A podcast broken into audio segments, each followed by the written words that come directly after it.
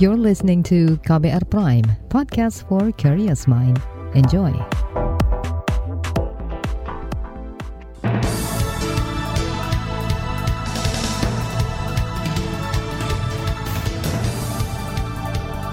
Selamat pagi saudara, senang sekali kami bisa menjumpai Anda kembali melalui program Buletin Pagi edisi Senin 31 Januari 2022 bersama saya Naomi Liandra. Sejumlah informasi pilihan telah kami siapkan di antaranya kasus Omikron terus meningkat, status level PPKM harus dipercepat. Ikatan Dokter Anak kembali serukan hentikan PTM 100%. Menang dua leg lawan Timor Leste, Indonesia naik peringkat di FIFA. Inilah buletin pagi selengkapnya. Terbaru di buletin pagi. Saudara, data Satgas Penanganan COVID-19 menyebut sepanjang Ahad kemarin tercatat 12.422 kasus baru positif COVID-19. Terdapat lima provinsi dengan penambahan kasus baru tertinggi, yaitu DKI Jakarta dengan 6.600-an kasus, Jawa Barat 2.500-an kasus, Banten 1.700-an kasus, Jawa Timur dan Bali dengan sama-sama 350-an kasus baru. Hanya tiga provinsi yang tidak mengalami penambahan kasus baru COVID-19, yaitu Sulawesi Tenggara, Sulawesi Barat, dan Maluku Utara. Sedangkan kasus aktif pada Ahad kemarin bertambah 9.100-an orang, sehingga tercatat pasien yang masih terkonfirmasi positif dan dirawat di rumah sakit maupun isolasi mandiri lebih dari 61.000 orang. Presiden Joko Widodo memperkirakan lonjakan kasus COVID-19 varian Omikron yang akan terus berlangsung hingga beberapa pekan mendatang. Jokowi mengklaim pemerintah belajar cara menghadapi lonjakan kasus Omikron yang lebih dulu terjadi di berbagai negara di belahan dunia. Misalnya memperbaiki sarana prasarana fasilitas kesehatan seperti memaksimalkan layanan aplikasi layanan telemedicine. Tak semua kasus COVID, Omikron membutuhkan layanan langsung karena gejalanya tidak membahayakan. Yang paling penting, meminimalkan kontak. Ini akan mencegah penyebaran yang lebih luas. Ketika hasil tes PCR saudara positif tanpa ada gejala, silahkan melakukan isolasi mandiri di rumah selama lima hari. Bila ada gejala batuk, pilek, atau gejala demam, silahkan gunakan layanan telemedicine atau ke puskesmas atau ke dokter terdekat. Kepala negara menuturkan dengan penggunaan telemedicine maka beban fasilitas kesehatan di puskesmas dan rumah sakit bisa berkurang. Hal ini penting agar fasilitas kesehatan bisa lebih fokus menangani pasien dengan gejala berat maupun pasien penyakit lain yang membutuhkan layanan intensif. Jokowi juga mengimbau masyarakat agar tidak panik menghadapi peningkatan kasus Omikron. Tapi Presiden tetap meminta masyarakat disiplin protokol kesehatan dan mengurangi aktivitas keluar rumah yang tidak perlu. Sementara itu, Menteri Kesehatan Budi Gunadi Sadikin menyebut strategi pemerintah dalam menangani varian Omikron antara lain dengan menyiapkan banyak fasilitas kesehatan di rumah sakit. Kapasitas tempat tidur isolasi yang 80 ribuan itu, itu adalah yang sekarang. Pada saat kemarin di bulan Juli, kita kan tinggi tempat tidur isolasi kita tuh bisa dinaikkan sampai angka sekitar 120 130 ribu. Ya jadi buat teman-teman itu ya kapasitas e, nasional kita ruang isolasi 120 130 ribu yang sekarang sudah ready untuk dipakai jadi nggak perlu konversi lagi sudah siap adalah sekitar 80 ribuan. Menteri Kesehatan Budi Gunadi Sadikin menambahkan untuk mengurangi beban fasilitas kesehatan pasien COVID-19 bergejala ringan hingga sedang diimbau melakukan isolasi mandiri di rumah. Selain itu memanfaatkan aplikasi telemedicine untuk konsultasi dengan dokter dan pengiriman obat ke rumah. Juru bicara penanganan COVID-19 Wiku Adhisa Smito memperkirakan kenaikan jumlah kasus COVID-19 akhir-akhir ini dipicu sikap terlena masyarakat karena selama enam bulan terakhir tren kasus positif terus melandai. Untuk itu kembali naiknya jumlah kasus COVID-19 harus jadi motivasi semua pihak menerapkan disiplin protokol kesehatan terlepas dari apa pun variannya yang saat ini sedang kita lawan adalah virusnya, yaitu COVID-19. Dengan meningkatnya kasus positif varian yang cukup signifikan, bahkan ketika persentase kasus Omikron rendah, menunjukkan bahwa antisipasi dan sikap waspada harus kita terapkan terlepas dari suatu varian tertentu. Apa pun variannya, kunci mencegah penularan masih sama, yaitu disiplin protokol kesehatan serta tidak berkerumun dan bepergian, apalagi keluar negeri jika tidak diperlukan. Juri bicara penanganan COVID-19 Wiku Adhisa Smito menambahkan, disiplin protokol kesehatan dengan memakai masker, mencuci tangan, dan menghindari kerumunan merupakan langkah yang mudah, murah, dan efektif mencegah penularan COVID-19. Perhimpunan Rumah Sakit Seluruh Indonesia Persi mengklaim ketersediaan tempat tidur atau BOR perawatan umum dan ICU bagi pasien COVID-19 relatif masih cukup longgar. Ketua Umum Persi Bambang Wibowo mengatakan saat ini keterisian BOR secara nasional kurang dari 13 persen atau 9 ribuan lebih.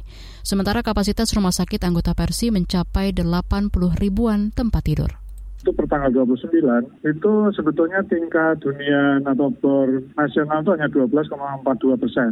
Hmm. Nah DKI itu 47 persen, Banten 20 persen, Jawa Barat 14 persen. Ya, yang lain-lain itu di bawah 10 persen kan. Itu Bali 12, yang lain di bawah 10 persen.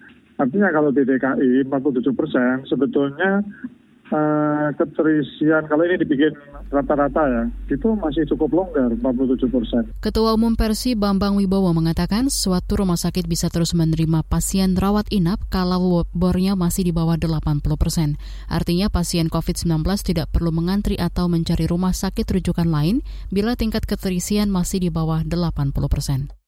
Epidemiolog dari Universitas Indonesia Triunis Miko Wahyono mendesak pemerintah segera mengambil kebijakan yang cepat terkait pemberian status level PPKM antar wilayah.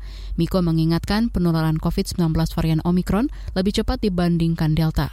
Karena itu kebijakan yang diputuskan pemerintah juga harus cepat dan berbeda, khususnya dalam status level PPKM antar daerah.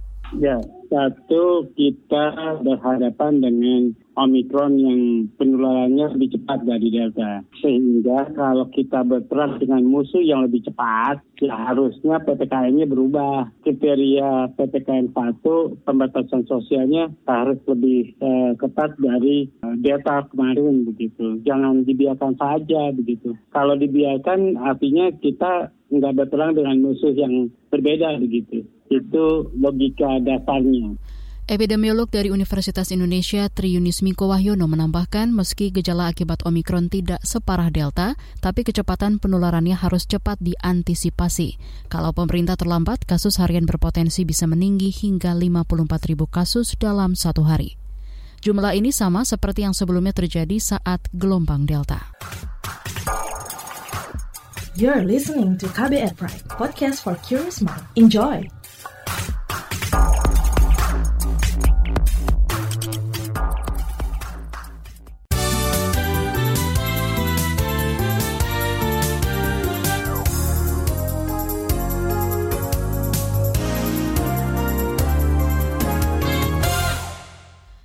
Indonesia dinilai sudah memasuki fase regresi demokrasi. Ini ditandai dengan sejumlah kritik yang disampaikan masyarakat justru ditanggapi dengan balik dilaporkan secara hukum atau diskriminalisasi. Koordinator ICW Adnan Topan Husodo mencontohkan kasus peneliti ICW Egi Primayoga dan Miftah yang dipolisikan oleh Kepala Staf Kepresidenan Muldoko pada September lalu. Kemudian kasus Direktur Lokataru Haris Azhar dan Koordinator Kontras Fatia Maulidianti yang dilaporkan Menko Marinvest Luhut Binsar Panjaitan. Kedua kasus itu dilaporkan balik ke polisi atas dugaan pencemaran nama baik kan bahwa Indonesia memasuki fase regresi demokrasi eh, dan itu salah satunya indikator yang kita bisa lihat adalah ketika kekuasaan menggunakan instrumen hukum untuk membungkam uh, suara kritik warga. Regresi demokrasi di Indonesia akhirnya juga terkonfirmasi dari Corruption Perception Index kita di 2021. Koordinator ICW Adnan Topan Husodo mengatakan pembungkaman atas kritik yang muncul dari masyarakat bukan hanya memperburuk iklim demokrasi, tapi juga mengancam upaya pemberantasan korupsi di Indonesia. Kebijakan PTM 100% di tengah lonjakan kasus COVID-19 varian Omikron kembali mendapat sorotan dari kalangan dokter spesialis anak. Anggota Satgas Imunisasi di Ikatan Dokter Anak Indonesia IDAI Nastiti Kaswadani mengatakan PTM 100% membahayakan keselamatan jiwa anak. Sejumlah fakta dalam dua pekan terakhir menunjukkan jumlah kasus COVID-19 pada anak meningkat tajam bahkan lebih tinggi dari kasus orang dewasa. Selain itu, jumlah kasus COVID-19 dari klaster keluarga justru terus bertambah kemungkinan kita untuk uh, PTM 100% harusnya dilakukan hanya jika parameter epidemiologis seperti positivity rate sudah rendah, kesiapan semua pihak, cakupan vaksinasi tercapai, itu bisa dilakukan. Anggota Satgas Imunisasi di Ikatan Dokter Anak Indonesia Nastiti Kaswandani juga mengingatkan saat ini banyak didapati gejala sedang hingga berat pada anak yang terinfeksi Omikron. Nastiti menyarankan pemerintah menerapkan metode PTM dengan sistem hybrid atau memadukan daring dengan luring. Beralih ke informasi ekonomi, Pemerintah didesak segera mengatasi kelangkaan pupuk bersubsidi yang banyak dikeluhkan petani.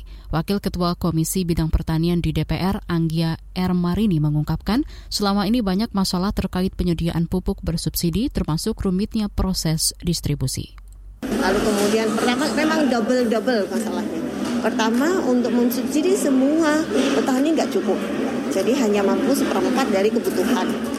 Dan kedua, mekanismenya juga repot banget repot banget maksudnya. Sama distribusinya begitu agak apa lini 2, 3 sampai 4 lalu kemudian cara pengaksesnya ada kartu tani yang ternyata kartu tani tidak semua petani yang punya kartu tani itu bisa mencairkan pupuk gitu jadi uh, belibet lah itu Wakil Ketua Komisi Bidang Pertanian di DPR Anggia Ermarini mengingatkan pemerintah agar menyederhanakan proses penyaluran pupuk bersubsidi. Selain itu mengurangi jumlah jenis pupuk bersubsidi dari tujuh menjadi hanya tiga macam. Anggia juga mendesak pemerintah menindak tegas para penimbun stok pupuk bersubsidi. Tahun ini Kementerian Pertanian menetapkan alokasi pupuk bersubsidi secara nasional lebih dari 9 juta ton dan 1,8 juta liter pupuk organik cair. Kita ke informasi mancanegara. Paus Franciscus mengirimkan telegram ucapan selamat kepada Sergio Mattarella yang terpilih menjadi presiden Italia untuk periode kedua.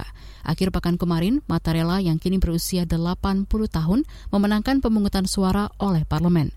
Sementara itu, pasar keuangan merespon positif atas terpilihnya Mattarella karena sekaligus membuka peluang Perdana Menteri Mario Draghi kembali melanjutkan kepemimpinannya.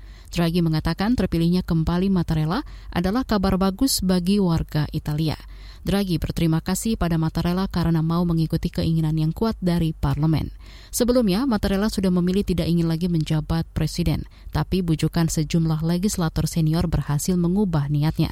Apalagi Mattarella juga beranggapan Italia masih membutuhkan dirinya untuk lepas dari dampak buruk pandemi COVID-19 yang berkepanjangan. Beralih ke informasi olahraga. Timnas Indonesia kembali meraih kemenangan dari Timor Leste. Di leg kedua laga uji coba FIFA Matchday di Stadion Kapten Iwayan Dipta, Bali, Timnas Garuda berhasil mencetak tiga gol tanpa balas ke gawang Timor Leste. Ketiga gol dipersembahkan oleh Terence Puhiri di menit ke-5, Ramai Rumekik di menit 41, dan Ricky Kambuaya di menit 72. Pertandingan ini juga mencatatkan Ricky Kambuaya sebagai bintang laga alias man of the match. Pemain klub Persebaya asal Papua itu mengemas dua asis dan satu gol. Kemenangan dua leg atas Timor Leste menaikkan ranking Indonesia di FIFA menjadi peringkat 160. Indonesia sukses menggeser posisi Singapura yang tidak akan meraih poin karena absen di uji coba FIFA Matchday. Kenaikan peringkat FIFA memang sedang dibutuhkan timnas Indonesia agar mendapat keuntungan di kualifikasi Piala Asia 2023. Di bagian berikutnya, kami hadirkan saga bertajuk Kampung Adat Anggai di tengah konsensi sawit. Nantikan sesaat lagi. You're listening to KBR Pride, podcast for curious mind. Enjoy!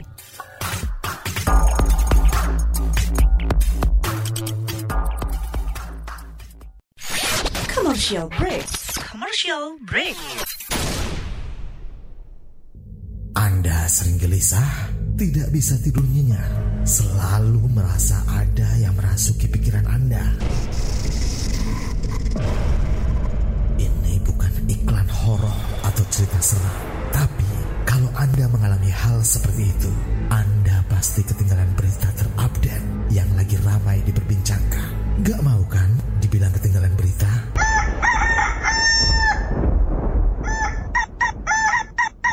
Makanya dengerin KBR Pagi, siaran pagi radio paling update menghadirkan narasumber yang terpercaya dan kredibel. Banyak lagu-lagu dari zaman old sampai zaman now. Setiap hari Senin sampai dengan Jumat mulai pukul 7 sampai 8 waktu Indonesia Barat. Bisa didengerin dari Aceh hingga Papua. Cukup satu jam saja untuk membuat kamu tetap update. Woi, ayam siapa nih? Berisik, saya mau dengerin kabar pagi.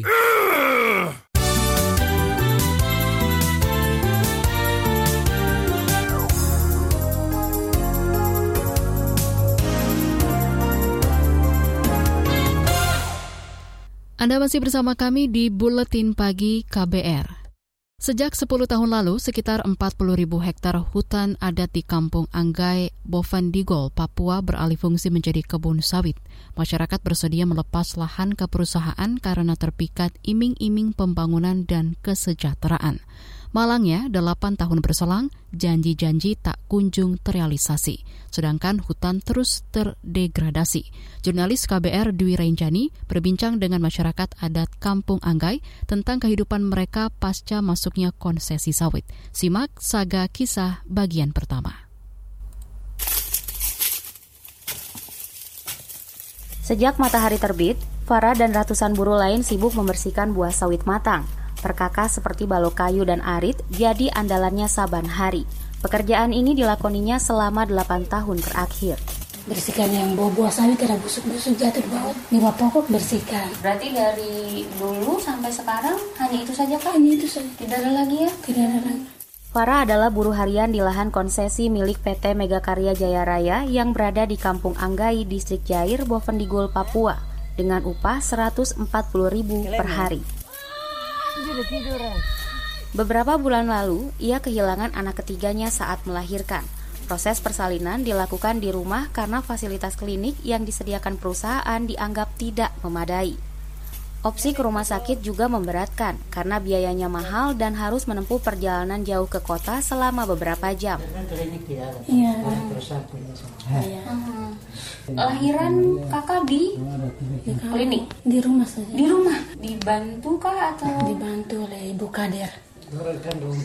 Bantu. Bukan bidan seperti itu bukan Iya, ya? Apa sih ya? Tapi yang sakit besar-besar kan, bawa ke bikin rujukan bawa. Ketersediaan vaskes yang layak merupakan salah satu dari banyak janji perusahaan yang belum terpenuhi. Padahal, risiko kecelakaan kerja cukup tinggi. Misalnya serangan binatang buas. Emma, salah satu buruh menyebut pernah ada insiden di kebun sawit yang menyebabkan korban jiwa. Suka menyerang kah? Udah makan itu. Iya, di dalam sana tuh karyawan satu tuh babi mengamuk itu. Kan Kalau babi piara. Tidak, babi sama ular. Jadi kasihan babi mengamuk tapi bawa tuh meninggal kak. Kondisi ini makin miris karena buruh tak punya asuransi kesehatan. Kepesertaan BPJS Kesehatan mereka berstatus non-aktif, meski gaji saban bulan dipotong untuk iuran. Kalau bengkak seperti itu datang ke klinik diobati bayar atau bagaimana? Kalau diobati di sini tidak bayar. Di sini tidak bayar, tapi kalau dirujuk Kalau dirujuk ke Boven sana tidak Bayar sendiri? Mm-mm. Dari BPJS Kesehatan ini tidak, itu sumati. sama dia. Pada 2012 silam, PT Megakarya Jaya Raya datang ke Kampung Anggai dengan menjanjikan pembangunan infrastruktur, kesehatan, pendidikan, hingga kesejahteraan. Janji-janji ini yang mendorong sebagian marga melepaskan lahannya. Total, hutan adat yang sudah dialihfungsikan oleh perusahaan mencapai 40 ribu hektar. Ula dari tujuh menara, gula-gula kita, pasar uang minyak. Anggaplah uang minyak. Persan itu dia datang tujuh menara itu dia datang, dia permisi, anggaplah dia permisi, dia minang perempuan cantik di sini di dalam rumah kita. Sebagian janji perusahaan kepada Marga Mabo dipenuhi, di antaranya kompensasi pelepasan lahan sebesar 7 miliar, gaji ketua adat 1,7 juta per bulan, serta mempekerjakan warga lokal. Namun, janji soal kesejahteraan belum terrealisasi.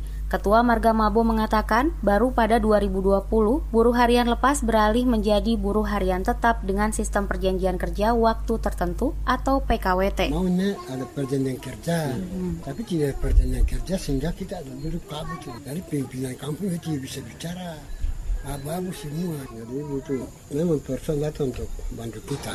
Tujuannya tapi belum ada perjanjian kerja yang kita. Di belakang kampung ini. Perusahaan juga diduga melakukan diskriminasi terhadap orang asli Papua, sebab warga lokal menempati posisi buruh, sedangkan jabatan lebih tinggi banyak diisi pendatang. Bang Mu, operator alat berat asal Maluku mengakui ketimpangan ini kerap memicu konflik. Seringlah, maunya mungkin sesama kita operator ada saling-saling macam ya cemburu hmm. untuk pekerjaan enak ya operator itu gajinya lumayan kalau priminya itu macam doser mm-hmm. eksa mereka bisa sampai 10 Sulitnya akses lapangan kerja bagi warga lokal juga dikonfirmasi melalui riset Yayasan Pusaka Bentala Rakyat pada 2019. Warga pendatang lebih berpeluang mendapat posisi strategis. Peneliti Yayasan Pusaka Bentala Rakyat, Rasela Malinda. Aku konfirmasi ke anak kampung yang satu-satunya yang kerja di perkantoran itu, aku tanya kenapa sih sesulit itu? Dia bilang karena ada penilaian dari mandor atau dari supervisornya biasanya. Nah, biasanya penilaian itu diajukan ke perusahaan, terus nanti mereka yang evaluasi gitu. Aku bilang, emang penilaiannya setiap kapan dilakukan? Terus dia bilang, nggak tahu. Terus terang dia OAP sulit sekali, gue bilang yang aku lihat. Lantas bagaimana dampak konsesi sawit terhadap lingkungan Kampung Anggai? Simak kisah selanjutnya esok. Demikian Saga KBR yang didukung Aliansi Jurnalis Independen, saya Dwi Renjani.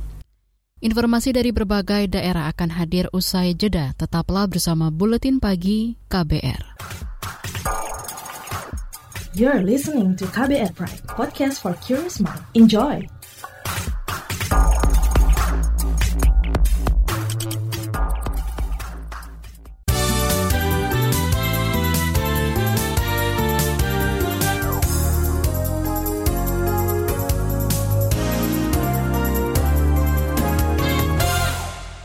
Inilah bagian akhir buletin pagi KBR. Kita ke Sumatera Utara.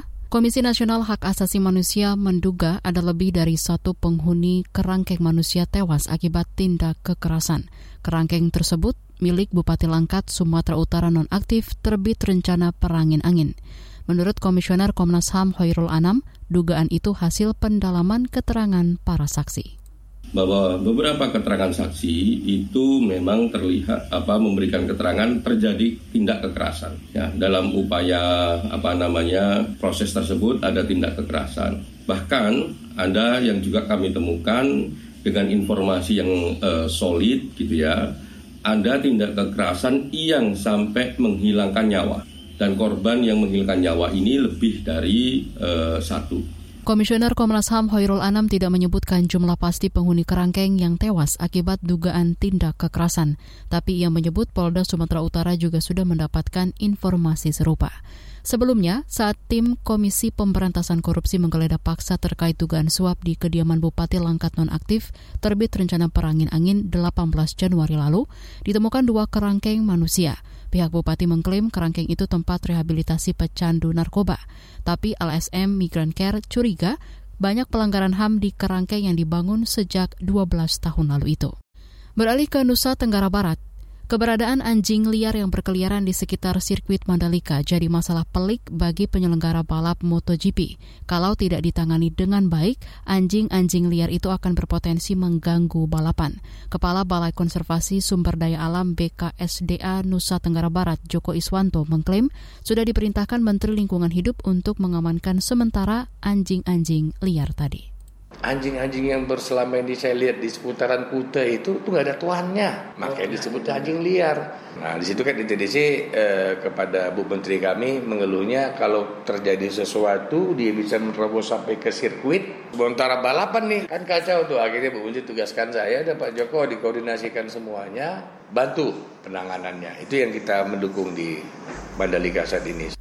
Kepala BKSDA NTB Joko Iswanto menuturkan bekerjasama dengan PT Pengembangan Pariwisata Indonesia ITDC dilakukan pembiusan dalam rangka evakuasi dan memasukkan anjing-anjing liar ke tempat penampungan. Masyarakat pecinta hewan diperbolehkan mengadopsi. Diperkirakan ada 200-an anjing liar yang berkeliaran di sekitar sirkuit Mandalika.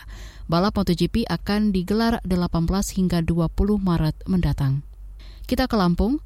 Menteri Badan Usaha Milik Negara Erick Thohir mengatakan empat daerah sudah ditetapkan sebagai pilot proyek ekosistem makmur untuk komoditi kopi. Empat daerah itu adalah Lampung, Sumatera Utara, Jawa Barat, dan Jawa Timur. Dari empat provinsi itu ada 4.600 hektar lahan petani yang akan jadi pilot proyek ekosistem makmur. Karena itu ekosistem ini bisa berhasil kalau apa? Ada yang sejahtera. Tadi disampaikan, kenapa kami BUMN terketuk? Karena 96% daripada kopi ini adalah petani. Beda sama sawit. Sawit itu sudah 60% swasta, 40% petani. Makanya ya tidak mungkin kami BUMN tidak bisa kalau tidak didukung pemerintah daerah. Menteri BUMN Erick Thohir juga menyatakan prihatin dengan produksi kopi Nusantara. Ia mencontohkan Vietnam mampu memproduksi 5 ton kopi dengan kadar air 13 persen hanya di lahan 1 hektar. Sedangkan Indonesia 1 hektar lahan hanya mampu memproduksi 2 ton kopi, itu pun dengan kadar air yang lebih tinggi. Kemarin Erick Thohir resmi melepas ekspor 6 kontainer kopi asal petani lokal se-Sumatera ke Mesir. Tahun ini PT Perusahaan Perdagangan Indonesia menargetkan mengekspor lebih 3.000 ton kopi ke Mesir. Informasi tadi menutup jumpa kita di Buletin Pagi hari ini. Pantau juga informasi terbaru melalui kabar baru, situs kbr.id, Twitter kami di akun @beritaKBR serta podcast di alamat kbrprime.id. Akhirnya saya Naomi Liandra bersama tim yang bertugas undur diri. Salam.